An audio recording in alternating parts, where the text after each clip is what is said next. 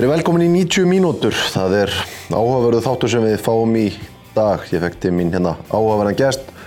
Já, landslýsmarkvæður í fótbolta. Hann hefur svo sem mest verið í skugganum af Hannesi Haldósson í síðustu ári en hann hefur átt afar áhugaverðan feril. Hann hefur já, verið í atvinnumennsku frá árinu 2014 þegar hann gekk í ræði Rannes í Danmörku. Hann hefur spilað svo í já, Danmörku, Svíþjóð en og í Gríklandi og Ögmundur Kristjánsson afar öflugur markmaður. Þú maður ræði það næstu 90 mínútunar, eða næstu 90 mínútunar, þátturinn er reynda bara 45 mínútur hjá okkur í dag. Þetta var svona í stýttri kantinu með augmundur, já, er svona ofta á milli tannan á fólki og bara virkilega skemmtilegu viðmælandi. Við erum að sjálfsögja í bóði Pepsi Max, besti drikkur á Íslandi, það vita það allir og Pepsi Max Lime er, er svona það næst besta sem hefur komið síðan Pepsi Max kom á markaðin. Ég býði velkomin til leiks, Augmund Kristinsson.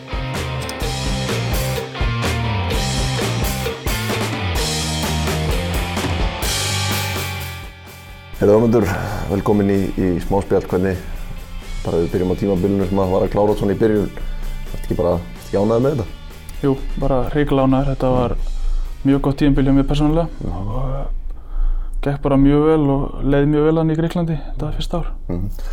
Bara, kannski komum betur inn á það eftir en bara við byrjum á, já, byrjuninni, bara hvar, hvar byrja fókbólt á? En er þetta bara, ertu framar í frá fyrsta degið það? Já, ég verði nú að segja það, ég helst hann upp í Sagamýrunni, mm. Sagamýri 57 sem er bara basically beint að móti fram heimilinu, þannig að maður bara farið yfir gautuna og maður mættur á æfingu, mm þannig að maður byrjaði að sprikla hana fjögur ára eða eitthvað, mm mættu æfingar og, og í öllu þessu. Ná, hvernig, ertu, byrjar þessu markmaður eða færist það hongað eitthvað, eitthvað seinna mér? Nei, þetta er svona fyrstu, fyrsta árið að maður náttúrulega bara í þessu út um allt sko, en það var mjög fljótlega samt, ég held bara strax í, hvað er þetta, sjöundu flokku, sjöttu flokku, þá var ég komin í markið og, og hef ekki farið þaðan. Hvað gefðu ekki það að velja að fara í mark?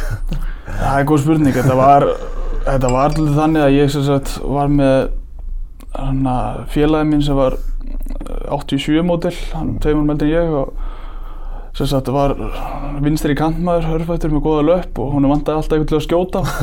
Þannig að ég sem yngri peginn fóð bara í markið og letið skjóta á mig og fannst ég svona standum ágætlega í því þannig að ég held bara held með það. Já, varstu, meina, varstu fljóttalinn varstu, varstu fljóttalinn góður ef, efnilegu markmaður? Já, ég held það sko. Eða svona þetta var allan, það gekk allan vel hjá mér svona þegar ég var ungur, ég spilaði alltaf upp fyrir mig með þess að 87 árganum hjá fram. Já þess að yngri fyrir á þessi pólamót og essamót með eldri strákunum og þannig og, og ég alltaf í marki mm -hmm. þannig að það bara gekk vel Nákvæmlega, voruð þið framarar, voruð þið með öllu og yngri klokka, voruð þið, gáttuð þið eitthvað? Uh, minn árgangur 89 var náttúrulega ekkert spes Nei. lengi framanna, ég held að það var ekki fyrir nýja öðrum flokki og eldst ári sem við gáttum eitthvað En 87 árgangurinn hjá fram var mjög góður og það var eiginlega synd að maður var aðeins eftir á því þróska sem þegar maður tveir ámur eldri þannig að það voru komnir aðrir strákar og jafnaldri þeirra komnir í markiðan í þriða og fjóra flokki þegar uh -huh. allir fram að ekki bara verið með besta liði landsins sem vann allt og heldur unnu Lungbyköp eða eitthvað svolítið á sín tíma okay. og þannig að það var svona smá svekkilsi að vera ekki nú þróska til að vera þar En mér, hvernig er það, úst, markmannstjálfinu hefur farið mikið fram bara út um allt og hér heima sérstaklega síðustu árum en hvernig varst að fá einhverja sérhæða þjálfun á þessum yngri árum eða var þetta bara, bara í vennilegri æfingu? Já, þetta voru meira minna bara vennilegri æfingar sko. Ég held að fyrsta svona markmannsþjálfun var bara fyrir í fjórðaflokki eitthvað svoleiðis og ég manni fyrir út þá til Danmörkur í einhvern svona markmannsskóla sendur frá fram mm -hmm. til Farum, sem er Norrsjælandi í dag ja. og var þá, fór þá með 87 strákum hangað og, og það var svona, byrjaði svona eftir það, fór svona einhver þjálfun að koma inn og uh -huh svona fór svona, svona bætast í það. Já, var að skoða þetta á henni og spila fyrsta leik með mestarlokki 2006 í fyrstildinni 17 ára, hvernig var, að, hvernig var að fara út í það svona ungur margmaður? Það var virkilega gaman. Mannst eftir þessu? Já, já, algjörlega sko, þetta var mútið haugum á ásvöllum þeim drauma fókbaltarstað en já, þetta var bara fínt, ég var búinn að spila um veturinn hann með mestarlokki, það hefði byrjað að æfa með mestarlokki sko árið áður. Hann um sumarið sko, þá var 15 ára eða eitthvað og, og verið svo bekknum fyrir Gunnar Sig hérna um veturinn og fengið að spila doldið þá. Hann alltaf kannski vildi taka mér þátt í alvörun ekki á veturinnar hann þannig að ég fekk nógu leikjum þá. Og svo fekk kallinn einhverja magakveisu þarna á leikdegi og mér var hendi búrið. Hvernig var að vinna með þeim harðhaus, var það ekki gaman eða? Jú, bara yndislegt, bara frábær reynsla og, og svoleiðis og það er minnist þetta, ég man eftir fyrstu æfingunum minni sem þá um 15 ára þegar ég kem á æfingu hjá þeim að það var eitthvað fyrirgæða æfinga eitthvað svona og, og leikmennir voru ekki að skora mikið af mörgum á þessari fyrirgæða æfingu og hann eitthvað svona, ætla að sína þeim hvernig á að gera þetta. Fer upp og svo kemur einhver svífandi bolt inn í tegin og ég svaka kalla fer út í þetta eitthvað og, og hann keiri mér náttúrulega bara inn fyrir fullum kraftinum og ég enda inn í markinu og ég fæ skilabónu velgóðin í mistarlokkin. Þannig að þetta var ágæðlis harkjarni en það var fínt bara. Þú þurftur að svona, má segja að kannski aðeins þurft að býða svo eftir því að, að fá svona rönn í liðinu. Var, var stóðan óþærið fullið þegar hann er stóðin í búrun að, að fara að spila? Ég er svona í bæðu okk sko, þetta var náttúrulega fínt annað fyrsta árið í fyrstöldinni að væri á bekknum þar og auðvitaðst ákveðlega reynslu á því að svona mistarflöður fókbalta og, og svoleiðis sko og, og við fyrum upp hana fyrir eitthvað samfærið það með minnir og svo verða breytingar og Hannes kemur hana og skiptum þjálfara og Óli Þórðar kemur og, og just, já, og svo var ég bara veist, svipa að æfa með bestarloknum og svona og náttúrulega Hannes kemur inn kannski eins og ég gengur að gerist bara í þessu, það er ekki mikið trist á 17 ára gamla markmann þannig að ég var svona býð á eftir tækjafærun og kannski fannst ég að eiga að fá að skilja aðeins fyrir en Mm. það er ekkert sem að gæti gert í því. Þú varst, menna, varst það einhvern tíman að pælja að fara fram með? Já, það var ekki, ekki kannski að fara en það var svona, Fara á lán. já það var hann ekki, ekki þetta tíðanbili en árið eftir held ég að verið á 2009 kannski? 2009 eitthvað svoleiðis þá, sagt, þá er það ég og Hannes svona tveir og, og hann svona að spila og, og mér fannst svona að ég, ég alveg skilið að spila alveg mikið hann á þeim tíma og, og en það var, þú veist, Tóti Örleiks var þá þjálfari og, og við vorum svona að ræða hvort það væri eitthvað möguleiki fyrir mig að fara á lán og hann var á lópin fyrir því en svo bara gekk það ekki og líka, þú veist, það var framþurft að finna sér einhvern annan og svona bæði og sko en kannski eftir á higgja hefði alveg verið gott að geta farið eitthvað á lán og tekið tíðanbill. Já. Það er náttúrulega þetta kannski aðeins öðru sem við markmanni, menn 2011 er svona fyrsta fyrsta tímabilið sem verð bara markmannum er 22 ára, þú veist, fínasti aldur fyrir markmann svo sem að, að fá fyrsta tækifæri, menn var ekki bara, bara frábært fyrsta tímabil, svona alveg tímabilið. Já, algjörlega. Ég held að bara var svona smá óþrifullir eftir að fá það og, og var alveg stæður hann í það að standa mig hana og, og gekk vel hjá mér persónulega og svoleiðis, þannig að það var bara mjög gaman. Mm. Menna, hvernig, hvernig horfa á hana tíma með fram, þetta er kannski svona ljótt að segja upp af, eða svona, þetta er svona endalókin á þessum góða tí- tíma fram í efstu deildi, menna, var, fannstu fyrir því að væri byrjað eitthvað svona, klúburum væri í einhverju stæðið höllum fæti? Nei, sjálfur sér ekki sko. Þetta var svona, þú veist, ég byrjaði að spila hann og gekk liðinu ítlaðinn í byrjun og maður bara vissi ekki alveg að það á búið að ganga vel árun áður sko og, og tveim árum áður og en svo svona gekk ekki alveg nógu vel hann að fyrir umfyrinni mann, ég heldur hvort við vorum með þrjú stíð eftir fyrir umfyrið eitthvað svoleiðis, eitthvað fárólega lítið sko en svo svona, já, hvað er sem er, bara unnum okkur saman í þetta og vorum sterkir í setni umfyrinni og þá hugsaðum við svona, að byrju, þetta verður bara gott á næsta ári og svoleiðis og, en svo svona var þetta svona svipað árið eftir Nákvæmlega, meina, þetta, hvernig bara með fram, meina, hvernig, sem uppalinn fram, hvernig, hvernig finnst þér að horfa á staðinn þar sem félagi hefur verið svona síðust ár? Það er bara mjög leiðilegt að horfa á það, ég er alveg reynskilið með það sko. Það er leiðilegt að sjá svona sögufræðan klúb vera að ströggla í fyrstdeildinni.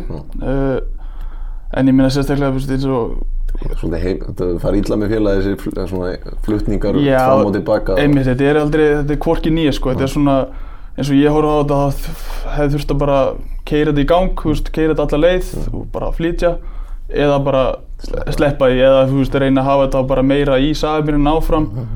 Svo frábært að vera komin hann upp í Grafald, bara upp á yngri flokkana og krakkana og leiða þeim að æfa og vera nálægt nálægt vellinum og svoleiðis og það er bara gott fyrir krakka að stunda að fara á svoleiðis en þegar og ég sá horfa á þetta svona gagvað fram þá náði ég allan að vinna titil með fram og, og en svo sumarið þegar ég fór þá því miður fjallur það sumar 2014. En maður, já, þú kemur að það, meina, er það ekki 2013 sem þið verið byggamistara? Jú, Hvernig, Hvernig er að takast til, þann bara titil, stærsti leikur ásins? Já, það bara ríkilega gaman. Þetta var uh, svona, já, ekstra sætt. Maður var fyrirlið liðsins líka hana og svona uppalinn framari og uh, ég held að það myndi að vera síðast til sem framtóku undan því og var ég að fæðast. Þannig að það var mjög kærkom með að lifta dollinu hérna. Já, og markmaður sem að stendur í marki vítakefni, hann er nú hetjan. Já, svona, það er oft sagt allan að markmanni hetjan og, og jú, maður náða að verið þannig að tvær vítaspinnur í þessu vítakefni og það er mjög sætt sérstaklega við vorum undir hann að 2-0 í háluleika múlið stjórnunni og það var ekki líklegt að þetta var að fara að endi eitthvað svoleiðis en við tókum gott comeback og náðum að vinna þetta í vítaspinnu. Já, þetta var dramatísku leikur því hvað 200 undir jafnir svo 7, 64 og svo jafnið aftur á 88. Já, þetta var, var mikil rússipanni sko og svo maður mitt var, það var svona léttið við náðum að jafna þetta og maður svona, að nú siglir þetta bara eitthvað, þú veist en svo skora þeir þannig og þá bara, já, það frá það, einhvern veginn en svo hvort það, man, hvort það Al, Balmar eða Almar jafnið á Já, 88. Annar markið sitt í leinu. einmitt og það var það var mjög sætt og eins og oft, oft vil verða í þessum framlýgingum þá gerist lítið Já, þið tóku blikan í undanúld mann það voru ekki, voru ekki á sunnudeginum á þjóðutíð svo skelltu allir sér til eiga, eða ekki? Jú, jú, það var, við sem sagt tókum hann sunnundagsleik á þjóðatíð og, eða inn í bænum og unnum þann leik og svo tókum við nokkri hann sunnundaginn í eigum. Já, vel gert. Uh, Ég meina, eftir 2013 tímil eftir að byggamestara þá svona er byrjað að koma áhjá utan. Þú ferði á reynslu hvað á Sandnes Úlf og á Móðurvæli eða ekki? Jú, já, það var búið að vera svona smá, hvað segir maður, svona smá chat eða svona eitthvað svona spurningar og áhugi og okkur svoleiðis og það byrjaði reyndar, þú veist það fyrir svona fyrsti Já. svona atvinnumanna pæling sem ég fekk var, var nú bara því að ég var í grunnskóla Ok. svona, kom- fyrst, það var kannski fáið sem vitum það, þannig að það. það var sem sagt, við vorum örugglega í tíunda bekka ég verið, þá var ég sem sagt, fórum við í æfingamót, eða æfingamót, æfingaferð held ég, sem, Mhm. til Skotlands framarannir og spilum þrjá leiki og meðal annars við Rangers já, ok. Og það gekk mjög vel að mér í þessum þrejum leikjum og sérstaklega á móti Rangers svo við höfum tapað örgulega 4-5-0 eða eitthvað en það gekk samt vel og, og þá hann uh, var Mois eldri Já, já. var hann á staðnum og hann kemur hann og hitti mig og á hótelinu hann eða það sem við vorum að gista og spyr hvort ég hafi ekki áhuga að koma til Rangers Mhm. og ég bara, jú, alveg klálega og alveg meiri klár og allt það en uh, fóreldrar mínir tóku ekki alveg að vilja það. Það er 15 eða 14-15 ára að fara út og heldur drauminn. Ég átti að fara í skóla og, og svoleiðis þannig að það var raunin. Og þú veist, þú að voru fólkdreðinni bara harður á því þannig að reyndur eitthvað að tala það til eða? Nei, nei, ég reyndi þessu sem ekkert. Þetta svona, nei, svona eftir á higgja hefði ég kannski átt að pressa hans meira á þetta. En ég svona einhvern veginn pældi svo sem ekkert mikið í þá. Ég haf bara sáttur í fram eitthvað að vera að fara í Vestló og væri bara svona frekar rólega með þetta sko. En varstu eftir 2013 tímilega þegar þessi áhuga er, varstu svettur þú þá á þeim tímapunkti að skildir ekki ná að, að kláraðist ekkert? Eh, Já, það var náttúrulega eins og nefndir hann að Sandnes Úlf þá fer ég þanga og var svona með samning á borðinu frá þeim. En ég lendi því og bara ég er að æfa með þeim hann sem var svona, að ég held og ég held að þeir hefðu haldið líka það var bara svona formsætrið að vera að æfa hana og ég myndi skrifa undir samning þá brýt ég hendina á mér á fyrsta æfingunni Já. Þannig að ég fer þarna eftir 40 mínútur eða eitthvað að markmannsæðingu er ég handarbrotin og þannig að ég endi upp á sjúkrási bara þar og fer svo heim daginn eftir og heim í aðgerð þannig að það datt upp fyrir og kollegi minnan Hannes tók samningi. Því að við krossaðan sig ofta á ferðinu meina 2014 tímabil með fram og tekur hálft tímabil með fram, er það ekki Bjarni Guðjóns komin? eða? Jú, Það var- það var ströggli, svona alvöru ströggl.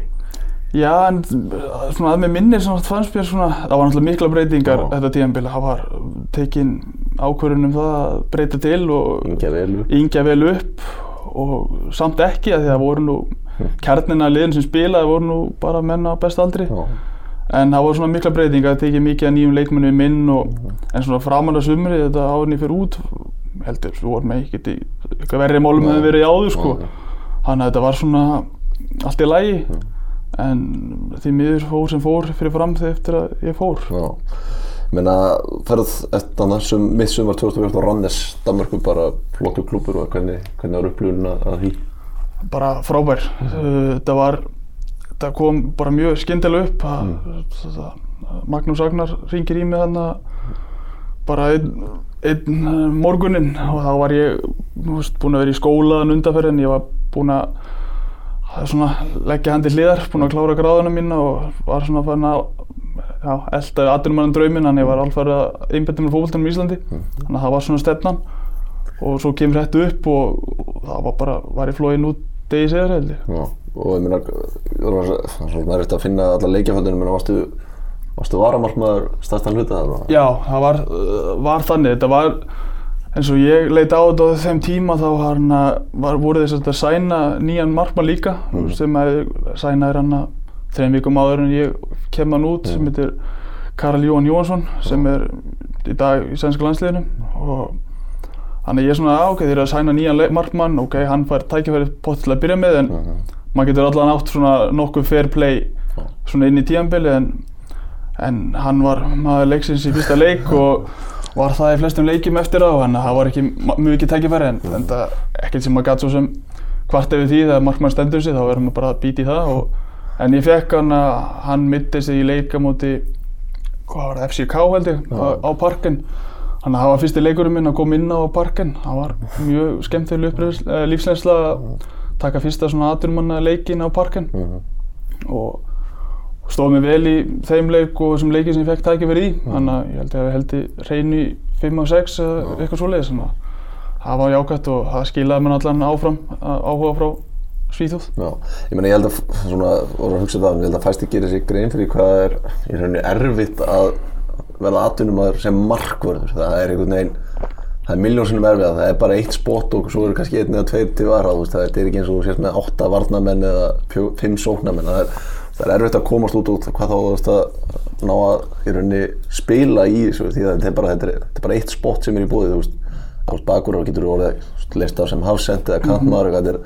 Það er erfitt að komast út sem markmann Algjörlega, það er það nefnilega, þetta er ekkit þetta er landfröðið að vera sjálfgefið þannig að það var líka þess vegna sem ég stökk á þetta randistæmi komaður á korti komið mér nákvæmlega, komast bara út fyrir Ísland það er svona fyrsta skrefið, það er erfitt og þetta var tækjaverið sem böðst og mm ágaf bara stökku á það, líka vitandi það að Randis var flottu klúpur. Uh -huh. Það var náttúrulega klúpur sem var bara í, í toppáröldöðunni í Danmörku -huh. á þeim tíma og, og þá var þetta heila no-brainer fyrir mig að fara hann út og -huh. Reyna að gera það besta úr því og veist, vissi líka að þetta var svona, skrifaði líka það bara undir eins og samning líka vitandi það að þetta væri, ef maður væri að koma kannski sem second option. Og þá var kannski frekar að reyna að standa sig og fá einhvern annan samning erlendis. En ef það myndi ekki ganga, það myndi það bara ekki ganga og það verður maður að koma með skótið með lappana heim. Eh, nákvæmlega, en verður þetta, gekk það þessir sex leikir eða svo þeir ganga þá vel að þú fær bara tilbúið frá Hammarby sem er náttúrulega bara hjúts klúpur. Var ekki, varstu með fleiri möguleika á borðinu eftir, eftir hennar randistíma? Já, já, ég var með, var með nokkur önnu tilbúina frá í Danmörku. Uh mhm. -huh. Frá svona minni liðanum í Danmörku sem voru búin að sjá þessa leiki og svona að sem, já, svo var næstu farin í önnu liðan í Danmörku sko á þeim tíma áður en þetta Hammarby dæmið kemur upp uh -huh.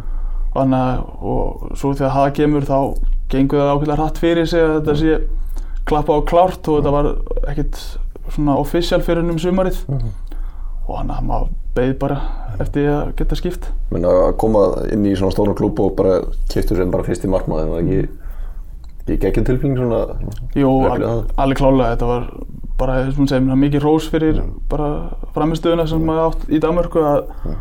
já, stór klúpur og Hammarby er að þeir hafi já, bara viljað satsa á maður sem fyrsta markmann mm -hmm. og það er náttúrulega bara frábært sko, sérstaklega ég held að fólk kannski gerir sér ekki alveg grein fyrir hversu stór klúpur Hammarby er.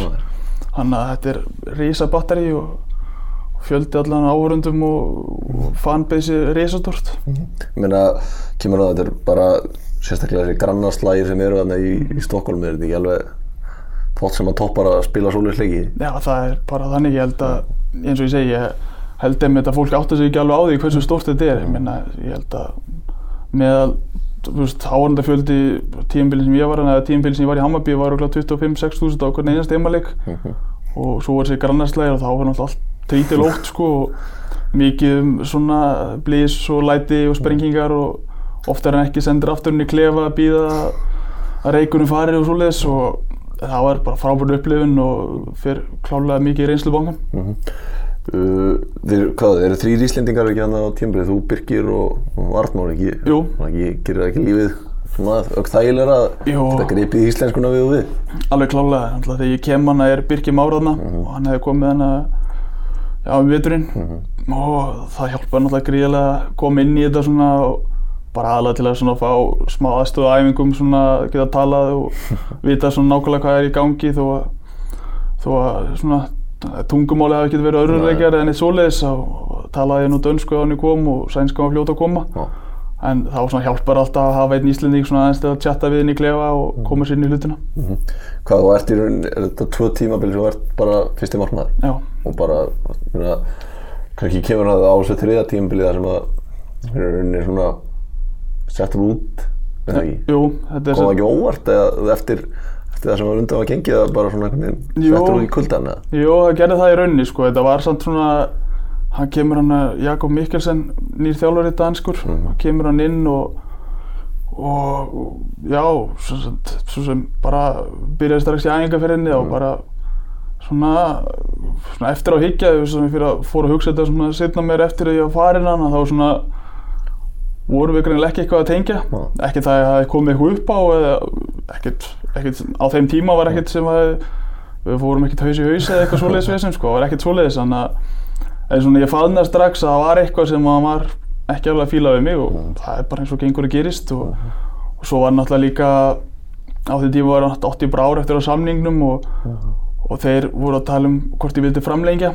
Það var svona fyrsta, það er svona komið ennþá mér óvart sko en svo náttúrulega getur maður sjálfur sem við kenta því ég er náttúrulega svo sem talaði líka um það að ég var kannski ekki alveg til í að framlengja allan alveg strax. Sem ég langaði svona aðeins að skoða að reyna að koma mér út fyrir Skandinavíu. Og, og já, og svo bara kom þetta svona já, sem svona blöyt tuska. bara sem sagt að spórsefinn hérna bankar kemur með þess að heimtíminn, ringir í mig hérna og sem sagt hvort ég, væri og ég væri bara heima og allt góð, hvort það mætti ég kíkja upp og ég bara, jú, ekkert mál og, og ég held með þess að, mér svona grunaði, ég held sko að hann væri eiginlega búinn að selja mig, að það væri svona, að því mér, mér grunaði þetta það lítið sko að, og þá tilkjæði mér bara það að þeir hefði verið að sæna nýja markmann, Jóhann Víland, sem alltaf ákveðið, ákveðið svona sænst legend ef maður getur svo orðstunum við spilaði Malmö og unnið tí, tíðinbilið þar og FCK þar og undan og með landsliðinu og svona og þeir hefur sænað hann og hann kæmi á æfingu á morgun á daginn fyrir leik. Og ég eitthvað, já, ok, þú veist. Ekkert sem maður getur sagt sem, bara að maður bara taka því og svo mæti ég á æfingu daginn eftir og, og hann kemur hann og, og ég tala við hann að þjálfaran og hann sem sagt sjá mig það að Víland muni spila leikinn á morgun og, og já, ég geti bara komið væri á bekknum. Já. Ég var nú ekki alveg tilbúin að kingja því og ég sagði hann bara að ég tek nú ekki alveg þátt í þessu og fór bara heim. Já.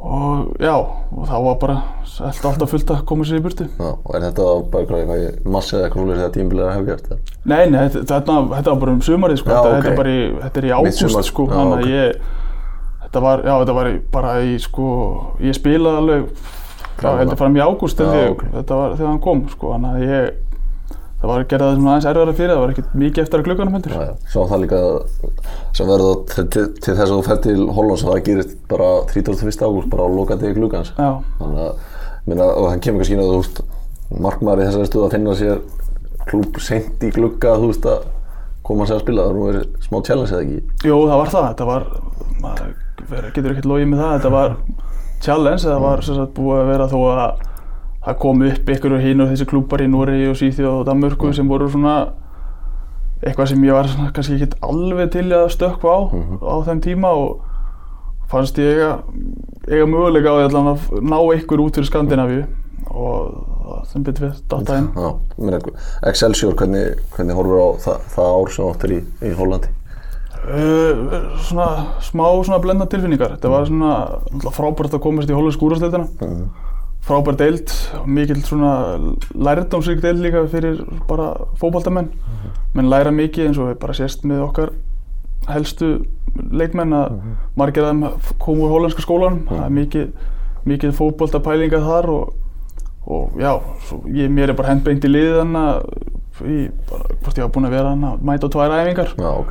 því ég spila fyrsta leikinn og sem var svona stolti skrítið, ég þekkti ekki nöfnum leikmennunum og talaði ekki tungumálið og vissi svona lítið hvað ég var að fara út í og, og já, og svo bara matlaði þetta áfram einhvern veginn svona framan af. Mm.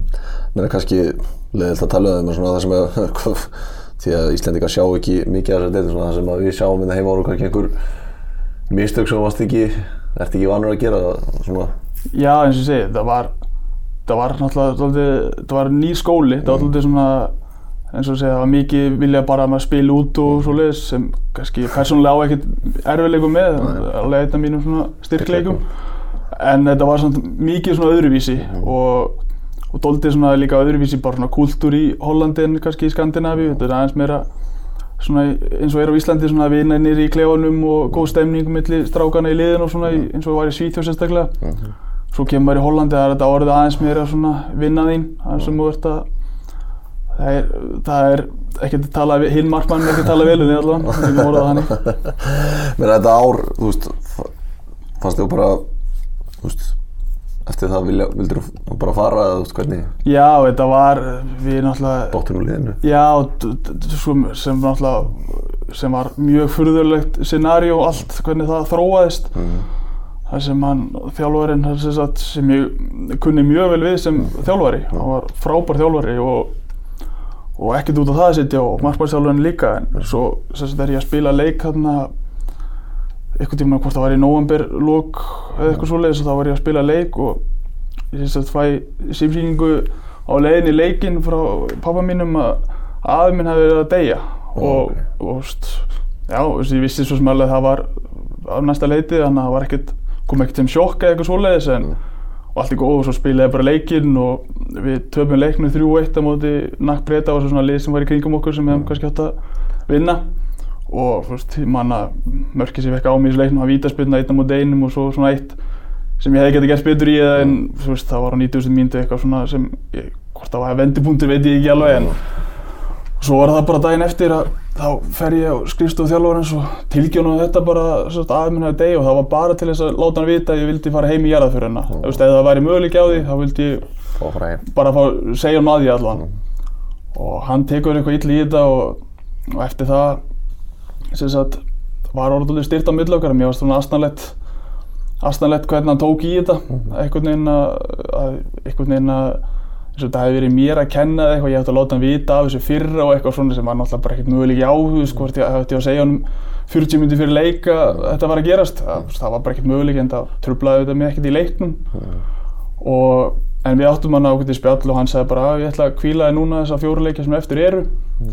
Og en svo byrjuði bara, þú veist, clean slave og ég bara tók því svo sem bara, veist, allt í lagi svo sem ég veist, fannst ekkert svona, var ekkert stressaður yfir því svona, mm. fannst að, ég var alltaf brjálaður, ég get alveg ekki það, ég var ekkert sáttu við hann en tók því bara og ákveð þá bara láta hausin undir mig og æfa bara eins og skepna og gera allt sem, já, nákvæmlega, gera bara allt sem ég gæti til að koma mér aftur í lið í janúar og taldi mig á að, ge á að gera það Mm. allan spilaði vel í þessum æfingarleikjum sem við spiluðum hana mm. æfingarleikum mútið Hoffenheim og fleiri góðum leiðum sem ég átti bara fína leiki í og Mm. Mjög góða æfingarferði sem tókum og allt svoleiðis þannig að ég var alveg 100% vissu á því að þegar fyrsta leiku var að ég myndi byrja. En svo var mér bara tilkynnt það þannig degi fyrir fyrsta leik og en svo var ekki. Og þá svona var orðið mjög styrt á það skal ég f- við fórum að svona reyfumst aðeins þar og, og þá svona leitaði ég, fór ég aðeins að leita að ég að reyna að koma mér eitthvað. Mhm. Og svo gekk það ekki að þeir vildi ekki leiða mér að fara heldur. Þannig að þá var maður bara að býti það súra að vera þar og æfa og svona von eftir að tækifæri kæmi sem að kom svo í lokin sem betur fer og, og maður allan náði að enda, enda tíumbiliðan í Hollandi með fjórum góðum ná, nákvæmlega. En ég meina þannig ertu úst, bara svo stað að einhvern veginn býstu við að að spila endur upp á kantið þjálfur kemst svo ekki í burtu það lítur nú að vera svona það hefur verið þungt þungi mánuður eða ekki? Jú, það voru það, ég skal, ég var ekki skemmtilegasti maður til umgangast þannig heima fyrir. geta alveg vikið það held ég og en þú veist, svo maður læri það að fljóta, svona er bara fótboltinn. Maður, maður ræður ekki ákvörðum þjálfara og veist, þetta er eitthvað sem maður getur ekki gert neitt í, þetta eru þeir sem velja liðið og maður verður bara að taka því og gera allt sem maður getur til að koma sér inn í liðið aftur og, og mótið reynd- reyndi maður bara að æfa meira og halda þessi í góðu standi þannig að þegar tækifæri kæmi þá myndi maður standa sig sem ég og gerði fannst mér allan þegar ég spilaði þessi leiki og stóði mig vel lókin Nákvæmlega. Og það er, meina, það er bara síðast sumar 2018 sem að þú ferð þaðan til Greiklands að Larissa. Meina, veist, það skref, þetta er svona deild sem að við kannski, ég veit ekki hvort að þú hafði þekkt hana fyrir en bara svona, svona næra að fylgjast lítið með henni heima, hvernig, hvernig hefur þessi deild bara komið fyrir sjónir þetta, þetta fyrsta ár? uh, bara mjög vel. Þetta var svona eins og segir það er svona deild sem Íslinga þekki ekki mikið. Það doldið langt í burtu og aðeins lýra þarna en er hér og svoleiðis en svona þegar þetta kom upp þá svona fórum maður aðeins að grænslast fyrir um deildina og, og klubbinn og svona og, og náttúrulega þegar maður skoðar deildina þá sér maður allir þrjusi deild með mörgum frábærum liðum og mörgum frábærum leikmönnum. Þannig að þegar svona, það var eiginlega ekkert annað í stöðun en að stökkva át að þetta kom. Og ég meina hvernig bara úst, kom inn á því byrjun þetta náttúrulega gengið bara hreikalega vel úst, ekki, þetta er sterk deild. Já, bara gríðarlega. Þetta eru, mitt eins og þú segir, þetta eru mjög sterk deild með mjög sterkum liðum í. svona sér það kannski best bara í Európa Olympiakos og PAOK og AEK þetta er allt lið sem hafa verið gert góða hluti í Európa-kjörnum á, á síðust árum Algjörlega, þetta er nefnilega, það er nefnilega svona gleymis held aðeins í það maður hugsa um grískriðinu. Þetta er nefnilega, það eru þessi stóru lið eru virkilega góð og náttúrulega virkilega sögufræði líka bara svona á Evrópuvísu, í svona Evrópukernum. Þannig að það var bara eiginlega no-brainer fyrir mig að fara ánga. maður sé þegar maður skoðar með þeir eru, þeir eru blóðheitir gríkinn þeir eru er ekki, ekki oft læti á, á vellinum eða? Jú, já, það er það sko. Þetta er svona, doldið svona öðruvísi kúltúr. Þetta er svona alltaf, svona að jafna eru þið frekar rólegi gríkinir, eru bara í kaffibóllanum sínum og kaffihúsunum og slaka á og en svo svona virðast þeir umturnast doldið þegar fótbollin byrjar og já, við leikmenn og þá sérstaklega kannski dómarar fá að heyra það vel. en ég meina lífið bara að búa í Gríklandi er þetta ekki það geta að spila fótbolta í svona landi þar sem það er svo, ljúft að vera og hittast í fínt er þetta ekki bara bara mjög, mjög þægilegt eins og segir, það er gott að búa þarna, þú ert bara svona eins og segir, koma þér inn í kúltúrinn og svona eins og bara eins og segir matavenjur og svona, þeir borða seint á kvöldin út af hitanum náttúrulega og, og það er lokað búðunar, þú veist, frá 1 til 6 alla daga eiginlega og þetta er svona dálítið öðruvísi, en leið þú kemur inn í það allt og þá er ekki yfir neina hvort að hana. það hefur komið fram í fjölmjölum þar í landi að það hafa að framistæðinu vakið aðtegli minna átt ára eftir að samningi býstu við að það gerast eitthvað í, í sumar? Uh, svona já og nei bara, það er eins og segir, það hefur komið fram í einhverjum fjölmjölum manna í Greiklandi að, að það sé einhver áhugi og, og það er bara að býða og sjá hvað, hvort það gerist og ef það gerist þá gerist það og þá er það bara frábært. En ef það gerist ekki þá á maður ára eftir að samninganna og gekk vel fyrsta árið þannig að ekkert að því að við að ná fram Menn þú ert 30 á, eða ekki á þessu ári, eða orðið 30 kannski? já, í sumar. í sumar. Menn að markmað, það er bara besti aldur fyrir markmað. Já, já, eins og maður, meðan maður er heill og, og líður vel þá eh, held ég að aldurinn sé eitthvað sem skiptir ekki miklu máli. Ég meina, allavega núna í, s- núna í vetur spilaði ég alla leiki og, og tók þátt í öllum æfingum, þannig að það var ekki neitt Það ég myndi ekki bara að vera, þú veist, þú ert á 30 sem útivallarspilar og þú Já. ert ekki komin á, þetta ekki 8, 4, 5 toppar eftir markmað getur á 10, 10 góð ára eftir sko. Já, algjörlega, þetta er kannski svona kostur við markmenn að við getum ennst aðeins lengur í þessu ef við hugsaum vel um okkur, þannig að það er bara gera það og reyna nýta þennan tíma eins lengi maður getur. Nákvæmlega. Já, bara svona að spil, já, bara kannski í Greikland, menna, er, þú veist, þið eru þannig fyrir ofan þessi fallsæti í ári, menna, þetta lið sem að getur tekið svona næsta skrefið.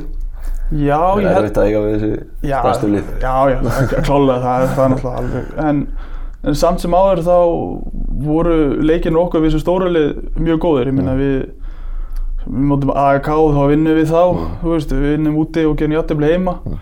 Töfum móti PAOK úti 2-1 þar sem við manni færri allan setna áleikin og, og, og jafnteflið á heima en svo var bara Óli Bjarkur sem átti maður særið til Nákvæmlega, bara í lokinu minna að fara yfir landslýsfyrirlin, hann hefur 15 á landsleikir og 13 af þeim eru, þú veist, kannski verið í tímin að bara vera varamarknaður mm. stæðst að hluta hvernig er að komast, koma alltaf inn í þessi verkefni svona hans í síðust ára og vita að kannski að fara að sitja bara á, á bæknum þessar tvo leiki sem eru, eru framöndan Það er, þetta er svona bara, þetta er svona blenda tilfinningar með þetta, þetta er náttúrulega sjálfsög vilt alltaf spila Mhm. og þegar þú ferði í verkefnið þá er alltaf markmiðið að að spila leikina Mhm. og á öllum æfingum og allt svoleiðist þá náttúrulega gerur allt sem þú í þínum valdi stendur til að standa þig og Mhm. reyna að sína að þú eigir að spila og þú, þú svo að það er náttúrulega mikið sem uh, svona stendur með því að líka bara hvernig þú stendur þig á félagsliðinu, hvernig þú kemur inn í verkefnið og svoleiðis en, en þegar líka, en svo er hinn hliðin á peningnum er náttúrulega þannig að þegar það er búið að velja liðið og eins og segir maður kannski að veita svona, þetta er, svona, er aftan í haustum aður að það líkur að þú setja að fara að sitja á bekknum. Þá náttúrulega verður þú bara að kynkja stoltinu og gera allt sem þú getur til að hjálpa þeir sem eru að spila. Og ég tel mig að hafa gert það vel sem, í þau skipti sem ég hef verið í því hlutverki sem hafa verið ófá.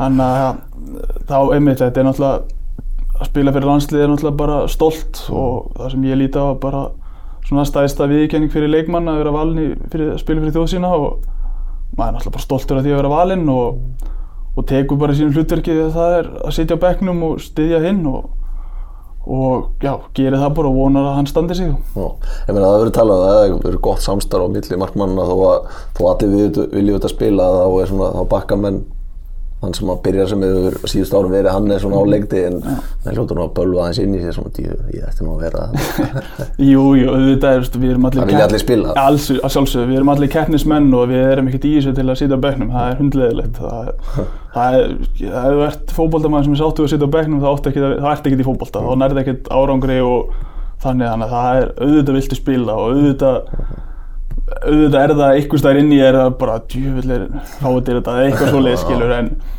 hvað þú nefnir Hannes þá náttúrulega ég og Hannes eins og fórum yfir á hann þá höfum við átt langa sögu saman þannig að við þekkjumst vel og erum góði vinnir utan alla líka þannig að við, hann veit alveg að ef hann er valinn til að spila þá fær hann stuðning frá mér alveg eins og ef það væri öfugt þá veit ég fengi góðan stuðning frá hún Mhm.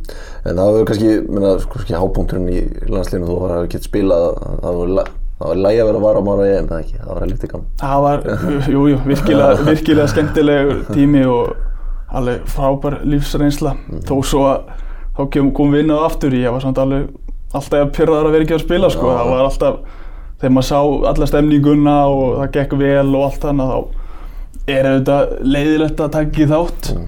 En að samanskapi þá er þetta náttúrulega bara fyrsta stórmað sem Ísland fór á og það gekk svo vel og það er sem maður gleymir sér hans í því að, og Og eftir á að hengja bara að vera með í þessu skilju. Já, sjálfsögðu, þannig að maður verður að taka því líka sem ekki sjálfsögðum hlut, þannig að maður nýtti bara tíman hann vel og stutti vel upp baki á strákunum sem voru að spila og sem líka bara eins og síndi sig að það gekk vel. Já, ég meina kannski svona sem að svona svo koma vonbreiðin í, í fyrra við erum búin að vera í hópnum nánast alltaf bara ég veit ekki hvað þetta eru 5 eða 6 ár það har bara verið fastamæður í hópnum.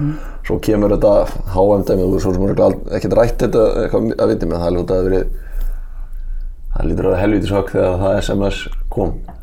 Já, ég, ég ætla ekki að ljúa því, það var mjög erfiðu dagur, ef maður getur orðað það sem svo, það var mjög, bara já, maður bara fór langt niður og svona vildi kom, kom mér líka bara óvart eins og ég segja, ég var búinn að vera fastamaður hann í hvað, 5-6 ár og hefði spilað í undakefninni fyrir HM sem kom liðinu á HM og hvað ekki leikur mútið finnum?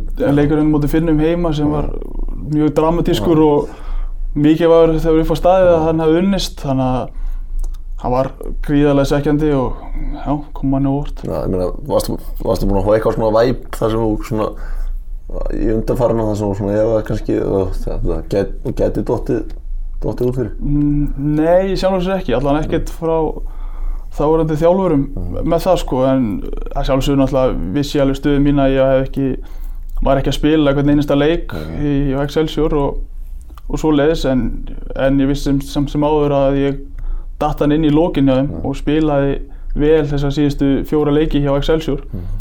Hann að eftir að það eftir ég byrjaði að spila aftur og svona gekk vel þá var ég, var ég nokkuð vissum að það myndi ekki gerast mm.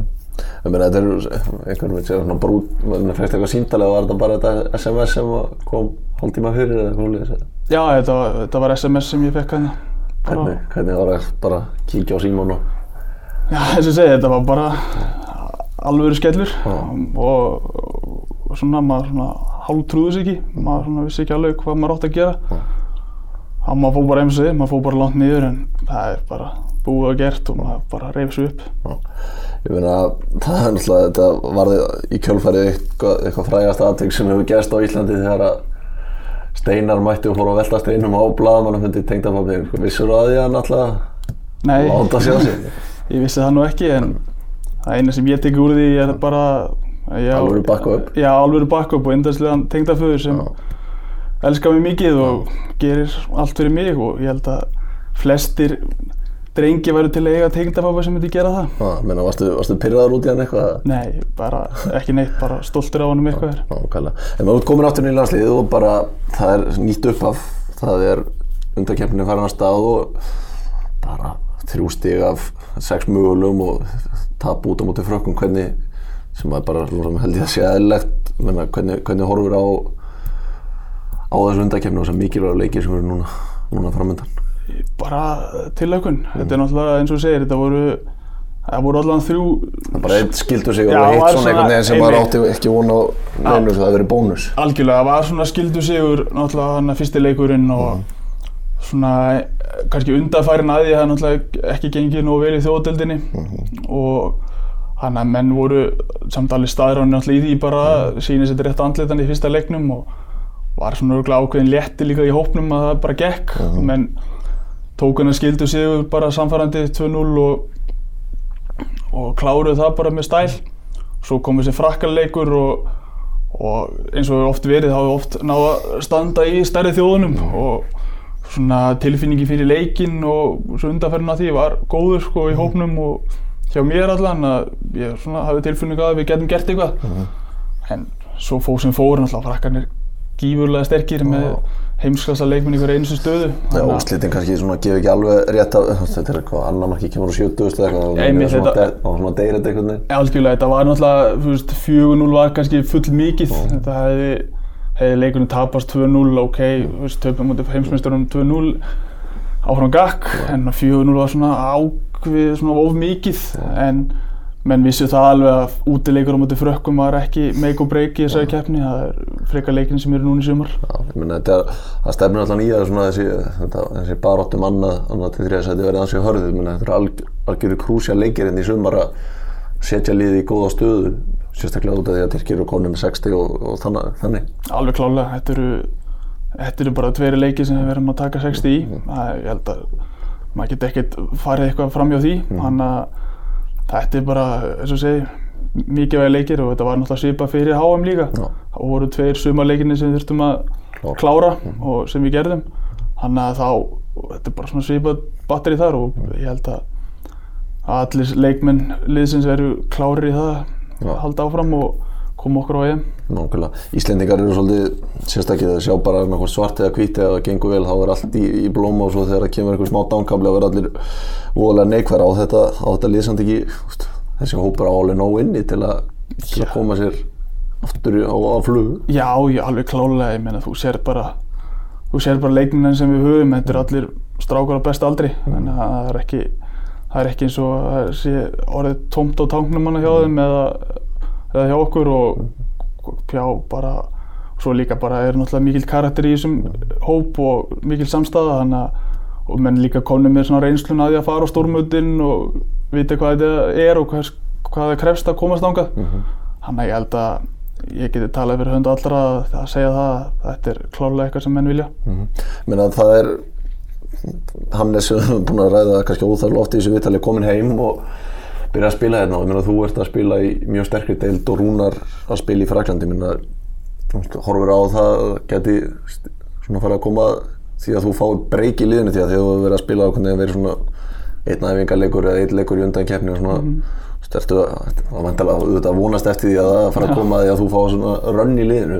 Já, já, að sjálfsögðu, auðvitað eins og við bara hefur verið allar meðan landsins fyrir, auðvitað vonar maður alltaf að tíman sé að koma og að maður fái tækifærið, svona alvöru tækifærið eins og segir, þetta hefur verið mikið æfingarleikjum þar sem verið að gefa mönnum séns og kannski ekki alveg lagt upp leikurinn jafn Tíu nýju leikmenn sem var lítið spilað saman. sko. Einmitt, þetta er doldið mikið verið þannig en svo hef ég, þú veist, spilað þess að tvo hann leiki í svona alvöru leiki, hann á mótið Tyrklandi úti og svo finnir minna heima og, og það var náttúrulega bara virkilega góð reynsla að koma inn í það, þannig að auðvitað vona maður að kallið fara að koma. Mm.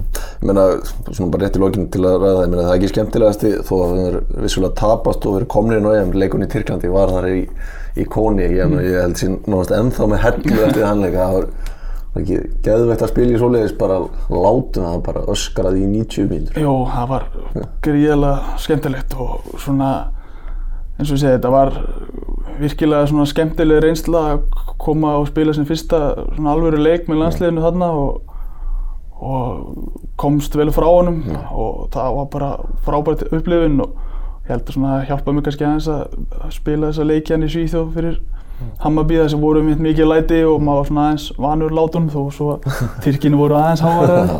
Ég held að það geta staðið allir þrýran í markinu þetta var eins og aukarsmynda. Heyrðu bara, við myndum takk hjá fyrir spjallið og bara gangið vel í framtíð. Takk fyrir.